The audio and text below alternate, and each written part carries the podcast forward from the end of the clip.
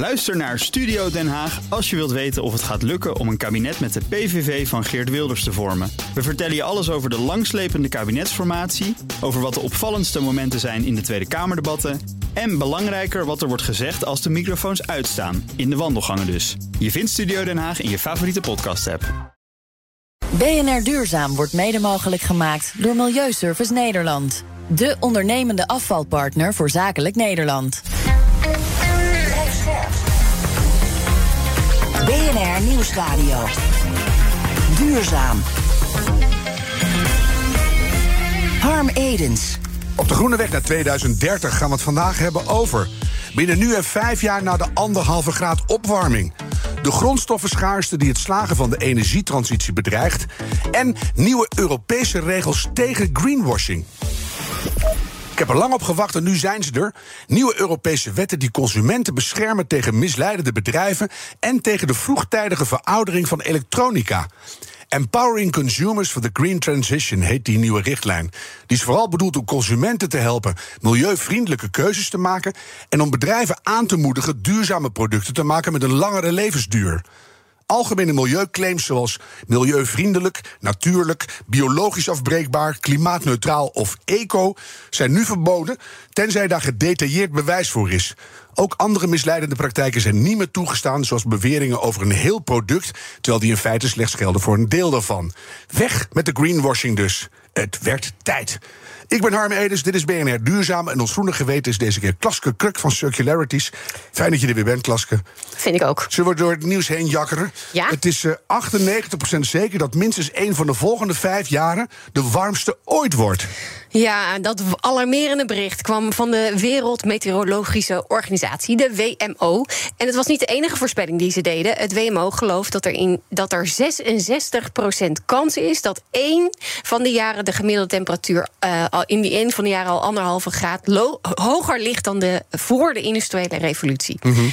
uh, en dan nog meer onheilspellend nieuws. Het Noordpoolgebied warmt dan ook nog wel drie keer zo hard op uh, als het wereldwijde gemiddelde. Nou, Harm, we zijn weer begonnen. Ja, je bent er weer. Ja. De gemiddelde temperatuur lag het afgelopen jaar ongeveer 1,15 graden boven het gemiddelde van de periode 1850-1900. En met de invloed van het natuurverschijnsel El Nino dat er weer aan zit te komen, gaan we binnen vijf jaar dus mogelijk al een keer boven die anderhalve graad eindigen. Ja. Ik hoor weer eens een alarmbel. Dan een ander bericht uit de Volkskrant. Dat gaat over een mogelijke oplossing voor het stikstofdossier. Ja, de krant schrijft over plekken in Nederland waar ze op een creatieve manier omgaan met dat stikstofprobleem. Het idee is, uh, leg buffers aan rond het Natura 2000 gebieden en daarin kunnen boeren extensieve landbouwbedrijven. Nou, als je denkt, wat is dat nou? Uh, nou, even om een boer te quoten. Ik uh, heb hier een fragment. die zegt: Wij hebben een gesloten bedrijfskringloop. Mm -hmm. We halen geen ruwvoer of krachtvoer van buiten ons bedrijf. De koeien eten ons kruidenrijk gras. En we halen ook geen mest van buiten. De enige nutri nutriënten die wij toevoegen komen uit het natuurgebied. En dat zit in ons bedrijfssysteem. Ja. Wij beheren dus ook een deel van de natuur. Het, maai, uh, het maaisel dat wij daarvan het land halen, gebruiken wij als stalstrooisel. En het maken van compost. Ja. Er hoort ook een nieuwe verdienketen bij. Hè. Dat, dat, hoort allemaal bij. Ik was laatst bij zo'n boer en het schijnt zomaar gewoon te kunnen. Ik vind dat mooi. Het hele artikel kan je was lezen. dit weekend nog? Ja, nou, ik echt? vorig weekend. Oh, echt? ik was er eerder.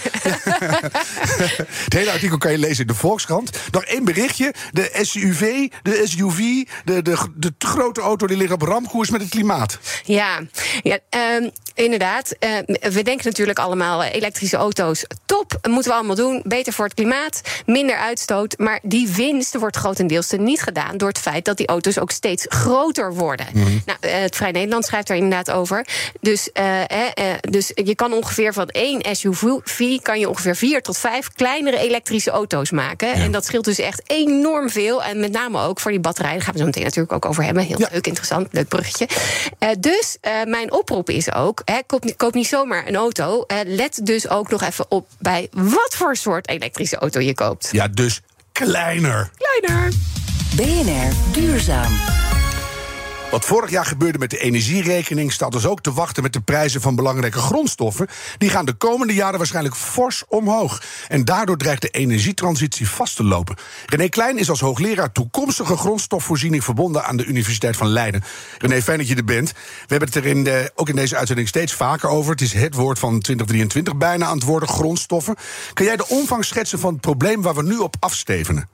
Nou, het belangrijkste is eigenlijk dat we een energietransitie gaan doormaken die ervoor zorgt dat we gaan schuiven van fossiele brandstoffen als belangrijkste materiaal zeg maar, in die energievoorziening naar metalen. En die metalen zitten in batterijen, die zitten in windmolens, zitten in het elektriciteitsnetwerk. Dus we moeten dat nu gaan opbouwen. En dat betekent dat we heel veel metalen in dat energiesysteem moeten gaan investeren. We moeten het dus uit de grond halen en daarin stoppen.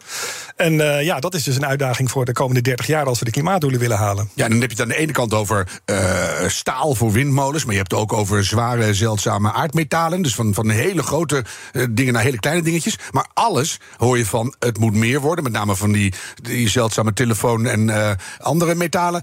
2000 tot 4000 procent stijging is de prognose. Ja, maar je moet dat ook wel een beetje relativeren. Het is inderdaad wel zo dat het. Uh, er wordt natuurlijk veel meer gevraagd. Want we gaan inderdaad die elektrische auto's bij far het belangrijkste trouwens. Hè. Als je naar de totale hoeveelheid grondstoffen kijkt, dan zie je dat die, dat die batterijen voor die elektrische auto's, dat is de bulk ervan. Mm -hmm. um, maar het is inderdaad wel zo dat het, het is wel belangrijk om, om inderdaad een onderscheid te maken tussen wat voor metaal gaat het nou om en welke zijn nou echt schaars en welke ja. zijn minder schaars. Um, dus dat is, wel, ja, dat is wel belangrijk. Ja, Jan Rotman zei laatst: uh, we verwachten een prijsstijging van 1000% van kritieke grondstoffen in de komende 10 jaar. Nou, dan moet je gaan investeren als je dat zeker weet. Zou ja, dat zeggen. doet Jan denk ik dan ook. Maar zie jij het vrolijker in? Of, uh... nou, ik, ik, ben hier al een jaar of 15 mee bezig met dit onderwerp. Ik heb die prijzen de lucht in zien gaan, weer zien kelderen. Ik heb van alles en nog wat gezien. Ik denk wel dat het nu anders is, zeg maar, omdat die energietransitie nu echt serieus nou, wordt. Het, het, wordt nu menens. Ja, het wordt nu echt serieus. Dus in die zin is dat, is dat wel zo. Maar ik denk wel dat het belangrijk is om, om te kijken van ja, uh, om onderscheid te maken tussen welke metalen gaat het nou om en hoe schaars zijn ze nou eigenlijk echt. Mm -hmm. ja. Hebben we niet ook ontzettend veel me meer metalen nodig voor bijvoorbeeld al die data die we gaan opslaan? En, en dat groeit ook enorm, ja. die datacenters. Nee, klopt zeker. We hebben studenten gehad die voor KPN ook hebben gekeken naar alle nieuwe technologieën die er op dat gebied zijn en welke metalen daarvoor nodig zijn. En dan gaat het vooral om allerlei kleine metaaltjes, inderdaad, die in een hele specifieke technologie uh, zit. Dus dat mm -hmm. is heel belangrijk. En het gaat natuurlijk ook um, ja, om grotere dingen zoals, zoals koper bijvoorbeeld. Ja. Maar ja, kleiner klinkt heel vaak als een minder groot probleem. Maar van kleiner is soms ook minder en is nog wel veel milieuverontreinigender. Klopt toch? Ja, dat is zeker zo. Dat als je naar platina kijkt bijvoorbeeld, dat, daar is de, de ertsgraad heel erg laag. Dus dan ben je heel veel spul uit de grond aan het halen. Heel veel energie aan het gebruiken voor een heel klein beetje materiaal. Maar je hebt er vaak ook maar een heel klein beetje van nodig. Dus dat maakt, dan weer, uh, maakt het dan weer een beetje beter. Uh, en wat ook zo is, is natuurlijk dat je, je kan ook schuiven van het ene materiaal naar het andere. Door van het, van het meer schaarse materiaal naar het minder schaarse materiaal. Dus je bij zonnepanelen ziet, hè, dat kan ook al van graniet, geloof ik. Dus dan uh, kan je het al op een hele andere manier gaan doen. We even, want jij bent een rasoptimist, merk ik. Nee, dat vind ik ook wel eens fijn in het programma. Um, we even een, een, een, een top vijfje van dingen die echt, echt schaars worden? Of misschien toch wel een beetje opraken? Waar ik me het meest zorgen over maak is koper.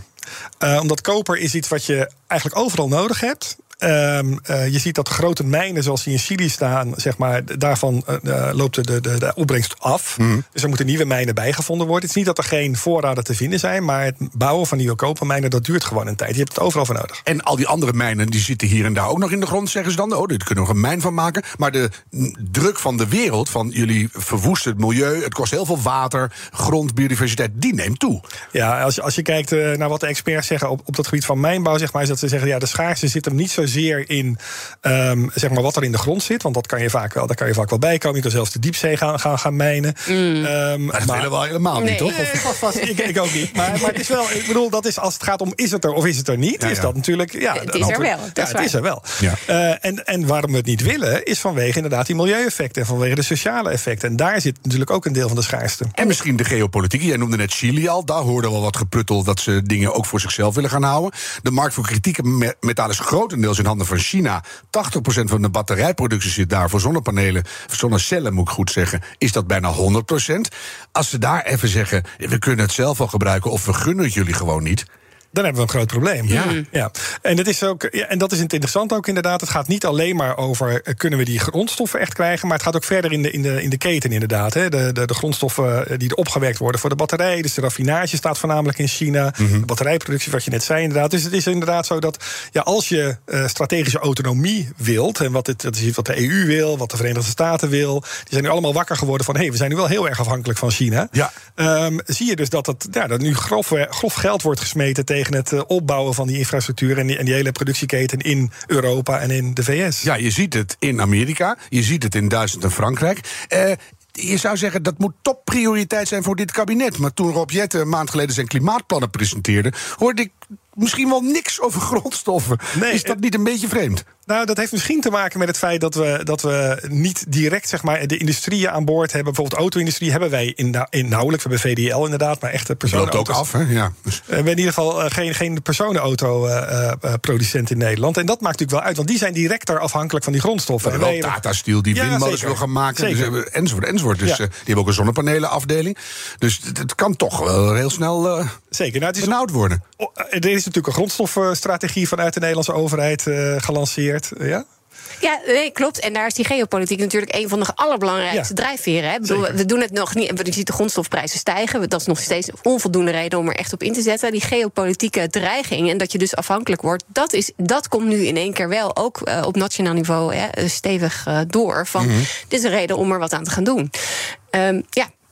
Dus eh, ik, ik, ik, denk ook echt wel dat dat nu eh, een hele grote drijfveer begint te worden. Ehm, maar ja. ehm, ik, eh, ik weet eigenlijk niet meer wat ik wilde zeggen. Nou ja, dit, zit je wel hoog, merk ik. Dat, en dat vind ik wel belangrijk. Maar wat, wat misschien wel, wat Ja. ik ook wel wil zeggen is van, ehm, we hebben het nu de hele tijd over dat de energietransitie vraagt meer mijnbouw, meer van die metalen. Ik Ja. vind het heel belangrijk om te zeggen dat de energietransitie zorgt voor minder mijnbouw. En dat is omdat we gewoon veel minder Hm. kolen gaan mijnen. En alleen al als je naar de kolen kijkt, zeg maar, als je kijkt naar hoeveel kolen je uit de grond haalt versus dat hoeveel... is weer de optimistische René. Hè. Bij de bruinkool in Duitsland geef ik je een punt. Maar die mijnen liggen toch al open. Daar is het toch al een puinhoop. En al die andere nieuwe mijnen die moeten gaan starten... zitten allemaal, ik ken ze persoonlijk, in Zimbabwe en in de Congo. En er zit allemaal met rare Wagner-groepjes eromheen. Heel veel spanning, heel veel ver- verpeste natuur. Nee, dat, ik, Dus- daar, daar heb je helemaal gelijk in, inderdaad. Maar het is toch wel belangrijk om aan te geven... het le- leidt niet tot meer mijnbouw, maar tot minder mijnbouw. Dat is denk ik belangrijk. En metalen kan je circulair maken, fossiele brandstoffen niet. Dat laatste is belangrijk. Ja, dat hè? is een mooie. Nou is er een nationale grondstoffenstrategie. Die werd eind vorig jaar gepresenteerd. Heel in het kort. Beter samenwerken met landen die wel grondstoffen hebben. Hier meer verwerkings- en transportcapaciteit bouwen. En inzetten op circulariteit. Nou, we zijn eruit. Ja. Is er genoeg? Nou, ik denk dat het wel heel belangrijk is om in te zetten op die circulariteit. En daarvoor natuurlijk de andere R-strategieën. Minder is altijd beter. Je had het er net al over met Ja, eh, een ons kleine, voorgesprek, kleinere auto. Minder, oh ja, dat ook. Ja. kleinere Ja. auto is beter. Een kleinere batterij is beter. Batterij met minder kritieke grondstoffen is beter. Wat trouwens wel weer een probleem is voor de recycling. Hè, want dan is dat minder interessant geworden. Maar goed. Ehm, maar dit is, dus je moet daar inderdaad zeker naar, eh, naar kijken. Nou, je ziet het nu al komen. Hè. Er was nu een Refer Battery Case al. Een eh, innovatie die trekt alle fietsbatterijen weer uit elkaar. Ja. Die worden ook gewoon maar weggegooid. Ja. Kan je allemaal vijf, zes keer Ja. gebruiken. Ja, we Daar zijn heb nu ik wel een mening over trouwens hoor. Heb je een ik, mening? Ik heb wel, ja, ja, ja. ja dat komt zelden voor. Maar eh, ik, ik loop wel eens eh, s morgens naar school en dan breng ik mijn kinderen naar school en dan loop ik terug en dan zie ik allemaal van die hele jonge, gezonde kinderen op school naar de fiets ga, eh, op de fiets naar school gaan. En denk ik top, maar dan wel met een elektrische batterij. En denk ik echt, jongens, dit, dit- die, echt, ik zou bijna die batterij eraf van willen trekken. En zeggen, jongens, die batterijen die hebben we ergens anders voor nodig, niet voor Dat jouw zie jij gezonde lichaam. helemaal verkeerd, Klaske. Oh. Want er was Annabel, en die zit ergens in Amsterdam-Zuid op school... en die had altijd een rode plofkop van het fietsen. En nu heeft ze een elektrische van hoofd en het was over. En nu kan ze heel veel jongens scoren. Precies. Ook belangrijk. Nou, de, de, de, de fiets was goed, maar het is minder geworden, René. Wat, wat, wat denk jij? Nee, ik, ik, ben het ook helemaal met je eens. Ik, ik zie dat inderdaad ook gebeuren. Ik, ik vraag me ook af waarom dat eigenlijk is. Maar goed, dat is niet helemaal mijn expertise. Maar goed. Maar goed, wel fijn dat ze die dan uiteindelijk wel weer terugwinnen, die batterij. Dus dat is zeker. waar. Het viel net al, we moeten zelf meer gaan ontginnen, ook in Europa. hè. Zweden kwam eh, een half jaar geleden met groot nieuws, maar dat duurt ook nog wel lang. Eh, is het onvermijdelijk dat wij onze eigen broek gaan ophouden, ook qua metalen? Nou, ik, ik denk dat het helemaal geen kwaad kan om meer mijnbouw in Europa te hebben. Al, al was het maar om het feit dat je dan ook inderdaad uh, ja, eigenlijk de problemen ook in eigen huis hebt. Hè? Dus de, de sociale verantwoording, de, mhm. de milieueffecten. En die kan je natuurlijk goed in de hand houden op het moment dat je op het eigen gebied uh, doet. Ja. Dus in die zin, dus ik vind ook al een eerlijke verdeling van lust en lasten, zal ik maar zeggen. Maar dus kan het op een beetje, want daar hou je je ongetwijfeld ook mee bezig. Ja, ja. Kan het een beetje op een natuur- en klimaatvriendelijke manier? Ik denk, nou, het kan in ieder geval een stuk beter dan zoals het nu gebeurt in, uh, in veel ontwikkelingslanden. Dat denk ik zeker. Um, Even tussendoor, daar schrik je echt, hè? Daar schrik je We hebben 30 jaar de boel hersteld met ja. de Wereld Natuurfonds. De Chinezen komen binnen. Binnen twee jaar staan we weer 30 jaar terug. Ja. Dus. ja, en het is ook niet, zo, niet voor niks dat we ook voornamelijk naar landen als Canada en Australië kijken. Australië heeft ook een, een soort van wondertje verricht. Die hebben in de afgelopen uh, tien jaar uh, vijf nieuwe lithiummijnen gestart binnen vijf jaar. Mm -hmm. Als ik heb het vaak over lange, lange doorlooptijden. Nou, die hebben ruimte, hè? Die kunnen gewoon even iets opengooien. ja. ja. Maar goed, dat is wel interessant natuurlijk als je dat lithium nodig hebt. Ja, ja maar laten we het maar gewoon in Europa doen dan op een leuke manier. BNR Nieuwsradio. Duurzaam. Harm Edens. Hebben we straks nog de beschikking over voldoende grondstoffen? Die uitdaging is een belangrijk puzzelstuk op weg naar een fossielvrije toekomst. René Klein is onze gast. Hij is hoogleraar toekomstige grondstofvoorziening. Vind ik ook mooi, toekomstige grondstofvoorziening. En ons groene geweten is Klaske Kruk. Klaske, een deel van de oplossing zit hem, denk ik, in een slimmer omgaan met bestaande grondstoffen. Simpel voorbeeld: de komende tien jaar komen er tientallen tweedehands zonnepanelen. Tientallen, miljoenen ja. tweedehands zonnepanelen op de markt. En die worden waarschijnlijk verguisd en onder snelwegen gestopt. Ja, eh, vroeger, en vroeger, nou eigenlijk nog steeds wel, keken we natuurlijk helemaal niet naar het ontwerp van onze producten. Dus ja, die dingen zijn heel slecht uit elkaar te halen. Oh, je ziet inmiddels trouwens wel al initiatieven ontstaan om bijvoorbeeld weeshuizen voor zonnepanelen op te richten. Mm Dus dat mensen tweedehands dan minder goed producerende, maar toch wel zonnepanelen kunnen kopen. Um, ja, he, dus er zijn allerlei initiatieven op. Maar ja, ik, ik geloof ook stel, zelf eigenlijk, we, we hadden het er net ook al over. He, we, we, alleen maar het optimaliseren van het hergebruik van die dingen, dat gaat niet alles oplossen, toch René? Nee, zeker niet. Want in het begin heb je heel veel meer metalen nodig. Je moet eerst al die batterijen hebben voordat je ze kan recyclen. En daar zit gewoon een vertraging in. Ja. ja. ja. En uh, als je dan uh, jouw prognose erop loslaat, René, uh, heb je dan het gevoel dat we ergens een, een, een vergezicht hebben waarvan we denken, daar kunnen we naartoe. Want we hergebruiken nu ongeveer 90% van, uh, of niet nog, uh, zouden we kunnen doen, 90% zouden we kunnen gaan hergebruiken.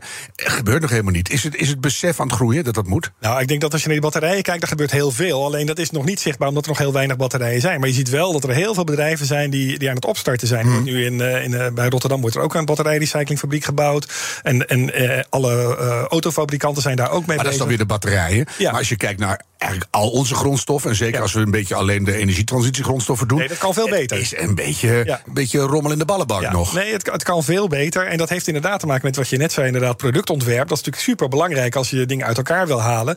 Maar je ziet nu ook al dat er batterijen worden ontworpen... die een structureel onderdeel zijn van de auto. Tesla uh, Model Y bijvoorbeeld. Maar waarom mag dat eigenlijk nog, ja, denk je? Ja, dat denk dat in Amerika daar de, en in China daar de regels niet voor, voor zijn dat te hele goede reden zijn. Ik kocht een elektrische auto, kon ik kiezen een jaar wachten of deze. Die was dan gemaakt in China. Ja. Ik zeg, ja, maar die is helemaal hier naartoe gekomen. Uh, laat maar gaan. Dus, maar dat, dat, zou toch een hele goede reden zijn om zo'n auto niet meer te kopen? Nou ja, daar kan je natuurlijk regelgeving voor maken. Je kan natuurlijk als Europa zeggen van daar moet je wat mee doen. En, en uh, dat soort eisen stellen wij gewoon aan die batterijen. Ja. ja. Nou kunnen we dat op stoom laten komen. Hè, dat we steeds beter snappen, beter ontwerpen, beter hergebruiken. Uiteindelijk een beetje richting circulair. Er zijn mensen die dan zeggen technologie lost alles op. noem een voorbeeld. TNO ontwikkelde onlangs een methode waarbij we voor de ontwikkeling van electrolyzers 200 keer minder iridium nodig hebben. Dat is ook heel. Je zit alweer te stralen. Lekker schaars.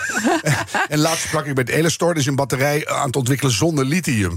Is, is dat de oplossing? Of um, toch ook gekoppeld aan minder, minder, minder? Nou, ik, ik, denk, ik denk dat, dat, dat er al dingen veel verder zijn. Uh, eh, CATL, de grootste batterijproducent van de wereld, Chinees bedrijf, maakt nu al natriumgebaseerde uh, batterijen. Ja. Uh, je hebt de lithium-ijzerfosfaatbatterij waar geen kobalt en geen nikkel meer in zit. Dus er zijn al heel veel initiatieven die heel erg kijken naar van kunnen we dat, kunnen we dat probleem niet oplossen. Een hele waterstof naar vloeibare uh, metalen. En gewoon allemaal dingen die we gaan doen waar er veel van is, dat gaan we gebruiken. Ja, en ik, en ik zeg niet, ik bedoel, eh, het is allemaal niet makkelijk. Hè? Ik bedoel, de, die, die, de tijd is gewoon heel erg. Dat is eigenlijk het echte schaarste. Nou, onderstreep hem even, want ja, tot nu toe hoor ik alleen maar, het, het lukt wel. Eh, ja, nee, maar het is inderdaad, we hebben nog minder dan 30 jaar zeg maar, om, uh, om die klimaatdoelen te halen. En dan moeten die elektrische auto's er allemaal zijn en die windmolens er allemaal zijn. En even afgezien van alle problemen die we hebben met het opbouwen van het elektriciteitsnetwerk en hoe traag dat gaat. Dus ik, zie wel, ik zie wel problemen. Maar ik denk, ze het zijn niet... dat het misschien nog sneller moet dan die 30 jaar. We, hebben- de- we Ja, hebben ja. de tijd misschien ook niet. En het wordt misschien ook allemaal weer heel veel duurder. Hè? Want als we het inderdaad uit de diepzee gaan halen of uit Scandinavië, Ja, als we dat dat is heel diep veel halen, wordt het goedkoper, denk ik. Maar eh, maar jammer genoeg. Nee, dat gaan we ook gewoon niet doen. extra CO2. Nou, ik denk, ik denk dat dat minder CO2... Als je naar de CO2-hoeveelheid gaat kijken, dat dat ook zelfs minder is. Ja. Even heel hoog over, René. hè. Ja. Laatste zes jaar hebben we wereldwijd meer grondstoffen gebruikt dan in de hele 20e eeuw. Dat Ja. is een bizarre Ja. vergelijking. Ja. Jij weet er iets van. Hebben we een sleutel gehad? Heeft die aarde genoeg spullen? Hoe groot is die aarde eigenlijk om toch een beetje waardig die toekomst in te kruipen? Ja, dat is wel een hele grote vraag. Mhm. Maar ik, denk- ik denk dat we eh, heel veel kunnen als we het slimmer doen. Slimmer ontwerpen, maar ook inderdaad hoog over. Van, heb je die elektrische auto wel nodig? Kan je niet met het openbaar vervoer gaan? Dus als je het goed inricht, dan kan je veel zuiniger omgaan met die materialen. En als je het goed ontwerpt, kan je het aan het eind van de rit allemaal recyclen. Maar dat, eh, ja, dat wil niet zeggen dat er in de tussentijd geen problemen zijn, denk ik. Mhm. Ja. Maar in ieder geval, basically, die aarde is zo groot, er is nog wel wat. Er is zeker nog wel wat. Ja, er is nog heel veel eigenlijk. Ja. Er is nog heel veel. Ja, en we moeten dus ook misschien terug naar die wat kleinere dingen. Zeker. Minder is altijd beter. Minder is beter. Of wat een fijn, waardig einde, René Klein, Ja, hoogleraar toekomstige... cirkel. Zit je nou door mijn afkondiging heen? Sorry. René Klein, hoogleraar toekomstige grondstofvoorziening aan de Universiteit Leiden. Dankjewel en veel succes. Klaske, wat eh, onthoud jij en vertel je vanavond door? Nou, ik word wel heel blij van René. Eh, tenminste, hij zegt dat hij niet zo positief is, maar hij straalt toch wel veel positiviteit uit. En een van de toffe dingen die ik toch ook wel echt, eh, ook in mijn eigen verhalen weer meer mee ga nemen, is dat we sluiten ook heel veel mijnen. Hè? Dus eh, dat, dat, dat is natuurlijk zo. We hebben meer mijnen nodig voor die energietransitie, maar we sluiten ook heel veel mijnen eh, met heel erg grote uitstoot. Dat is een, dat is een leuke, leuke, leuke opsteker. Ja, en ik denk doordat we in die transitie zitten, zitten we ook in een transitie van de perceptie van mijning. Dus we gaan beter kijken hoe we het doen. We kunnen met mijnbouwcompanies beter afspreken. Zo lang ga je hier zitten en zo ga je het achterlaten en anders hoef je niet te komen. Dat gebeurt en uiteindelijk krijgen we dan iets meer transparantie per consument. Want daar gaat het uiteindelijk om wat we eigenlijk allemaal zitten op te gebruiken. En ik krijg een knikje van een hoogleraar en van een circulariteitsdeskundige. Dus volgens mij sloeg het ergens op. Klaske, dankjewel. Dit was BNR Duurzaam, de groene weg naar 2030. Laten we die met z'n allen nemen en een beetje doorlopen graag. De tijd van treuzelen is voorbij. BNR Duurzaam wordt mede mogelijk gemaakt door Milieuservice Nederland. De ondernemende afvalpartner voor zakelijk Nederland. Bij BNR ben je altijd als eerste op de hoogte van het laatste nieuws. Luister dagelijks live via internet. Bas van Werven. En heel langzaam komt de zon op rond dit tijdstip. Je krijgt inzicht in de dag die komt op BNR, het Binnenhof in Nederland en de rest van de wereld. De Ochtendspits. Voor de beste start van je werkdag. Blijf scherp en mis niets.